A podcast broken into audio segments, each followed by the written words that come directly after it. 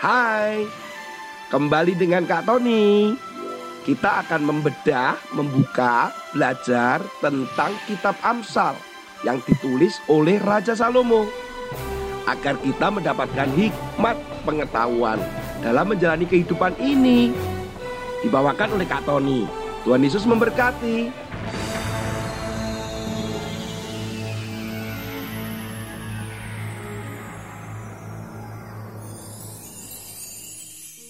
Halo anak-anak, bagaimana kabarnya hari ini? Tetaplah sehat dan tetaplah menjaga disiplin untuk sehat. Makanlah makanan yang sehat, cukuplah istirahat, dan jagalah kebersihan. Pastikan bahwa semuanya dalam keadaan sehat dan baik. Apalagi kalau kalian terus berdoa dan minta perlindungan Tuhan ke mana saja dan apa saja yang kalian lakukan. Dan Tuhan Yesus akan melindungi kalian semua. Yes. Hari ini Kak Tony akan menunjukkan beberapa pekerjaan-pekerjaan yang aneh dan rasanya unik. Nah pertanyaannya apakah kalian mau nggak bekerja seperti itu? Pekerjaan pertama yaitu penguji bau. Waduh, Ternyata ada orang-orang yang pekerjaannya adalah membau, yaitu mereka yang memiliki hidung super sensitif. Yaitu dia bekerja untuk menguji efektivitas deodoran dan anti keringat dengan membau atau mengendus ketiak setiap eksperimen atau orang yang bereksperimen. Masa ketiak satu-satu dibau kan jadinya kecut. Tetapi berkat pekerjaannya itu kita bisa mendapatkan deodoran yang bisa menahan bau keringat dan tentunya wangi. Pekerjaan lain yaitu pengendus atau pembau tisu toilet. Waduh, kok tisu toilet ya? Karena begini, ada orang yang bekerja melalui hidungnya itu untuk membau tisu-tisu toilet. Mengapa? Perusahaan itu memperkerjakan mereka untuk memeriksa apakah tisu toilet itu berbau atau tidak. Karena itu diperlukan hidung jadi tisu-tisu itu harus 100% tidak ada aroma atau bau wangi-wangiannya. Dan akibatnya kita bisa menikmati atau ada tisu tanpa bau di toilet. Pekerjaan yang lain yaitu penguji atau pemeriksa makanan. Nah, kan enak Kak Tony. Tapi penguji makanan hewan. Padahal kan makanan itu diperuntukkan untuk hewan. Tapi ternyata ada orang-orang yang bekerja untuk mencobanya. Oleh karena hewan tidak bisa melaporkan. Ini rasanya enak. Mungkin anjing yang kamu pelihara atau kucing yang kamu pelihara kemudian mengatakan padamu, ini kok makananku kok kasinan ya? Kan tidak bisa. Oleh karena itu diperlukan orang-orang untuk menjadi atau bekerja untuk merasakan makanan makanan hewan. Dan mereka-mereka ini mewakili para hewan. Penguji makanan hewan ini harus mencicipi resep-resep baru dan mengomentari bagaimana rasanya, bagaimana kelembutannya, Nah, karena mereka-mereka itulah akhirnya keluar makanan-makanan untuk hewan-hewan itu dan hewan-hewan bisa menikmati makanan yang lezat.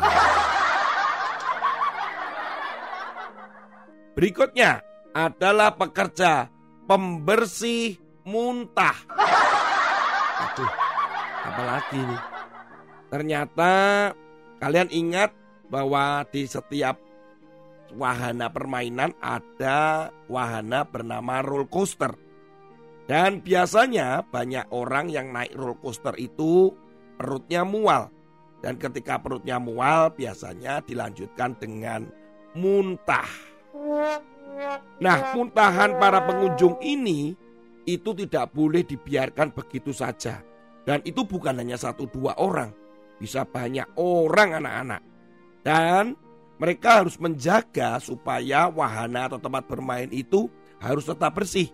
Oleh karena itu, mereka akhirnya menyewa atau memperkerjakan orang khusus untuk membersihkan muntahan yang akibat dari orang bermain di roller coaster. Ya, ini memang orang-orang spesial nih untuk membersihkan muntahan. Nah, anak-anak, semua pekerjaan-pekerjaan itu begitu banyak, tampaknya aneh-aneh, unik-unik sekali. Nah, firman Tuhan katakan di dalam Amsal pasal 10 ayat 16. Upah pekerjaan orang benar membawa kepada kehidupan. Penghasilan orang fasik membawa kepada dosa. Seringkali kita melihat orang yang bekerja di sekitar kita, kita menghina pekerjaan mereka. Ah, cuman bersih-bersih. Ah, cuman ada di pinggir jalan memotong tumbuhan atau tanaman. Ah, cuman mengambil sampah di rumah. Ah, sering kali kita menghina pekerjaan mereka. Tetapi ketika kita melihat orang yang bekerja di kantor, orang yang naik mobil, orang yang sepertinya berhasil berprestasi itu orang-orang yang hebat. Tetapi anak-anak firman Tuhan hari ini kita belajar bahwa semua pekerjaan itu adalah baik. Asalkan itu dilakukan oleh orang benar dan itu membawa kehidupan. Jangan menghina pekerjaan orang atau ketika nanti kalian bekerja, bekerjalah karena kalian bekerja apa pun asalkan kalian benar, maka yang kalian hasilkan, upahnya, gajinya itu akan membawa kepada kehidupan. Kehidupanmu, kehidupan keluargamu dan masa depanmu. Jangan menghina orang yang bekerja, jangan menghina pekerjaan orang. Suatu hari Kak Tony pernah bertemu dengan tukang bakso yang sedang menawarkan baksonya. Kak Tony berada di situ duduk bersama dengan tukang bakso ini. Kemudian Kak Tony cerita dan saling berbagi bagaimana kehidupan daripada tukang bakso ini. Ternyata walaupun tukang bakso, dia adalah orang yang sangat bertanggung jawab. Dia punya harta atau dia punya tabungan dalam bentuk tanah di desanya. Ini bukan main-main. Dia mungkin tidak sama dengan orang yang bekerja di kantor menggunakan dasi, ada di ruangan ber-AC atau air conditioning, atau mungkin dia tidak mendapatkan fasilitas asuransi, kesehatan mungkin, dia mungkin tidak bawa mobil, tetapi ukurannya bukan pada hartanya, kebahagiaannya kehidupannya. Tukang bakso ini bahagia, tetapi apakah benar orang yang bekerja di kantor bahagia? Belum tentu. Apakah orang yang bekerja sebagai tukang bakso itu adalah orang yang hina? Tidak. Dia tidak mencuri, dia melakukannya dengan jujur, dia orang yang baik. Apakah juga bahwa tukang bakso ini dengan kekayaan yang banyak itu bahagia? dia kebahagiaannya tidak diukur dari hartanya. Tetapi dia mengukur bahwa dia bahagia bersama istri dan anaknya. Dan dia bisa menghidupi mereka semua. Jadi jangan pernah menghina pekerjaan orang. Bekerjalah sesuai yang Tuhan inginkan. Karena kalian adalah orang-orang benar. Maka apa yang kalian hasilkan dari pekerjaan apa pun. Semuanya akan membawa pada kehidupan. Tuhan Yesus memberkati. Eh ngomong-ngomong, siapa yang mau daftar tadi?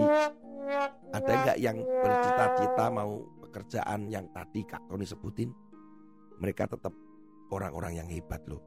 Ya, siapa tahu muncul pekerjaan lain yang lebih hebat lagi. Oke, Tuhan Yesus memberkati sampai ketemu di episode yang lain. Haleluya. Amin.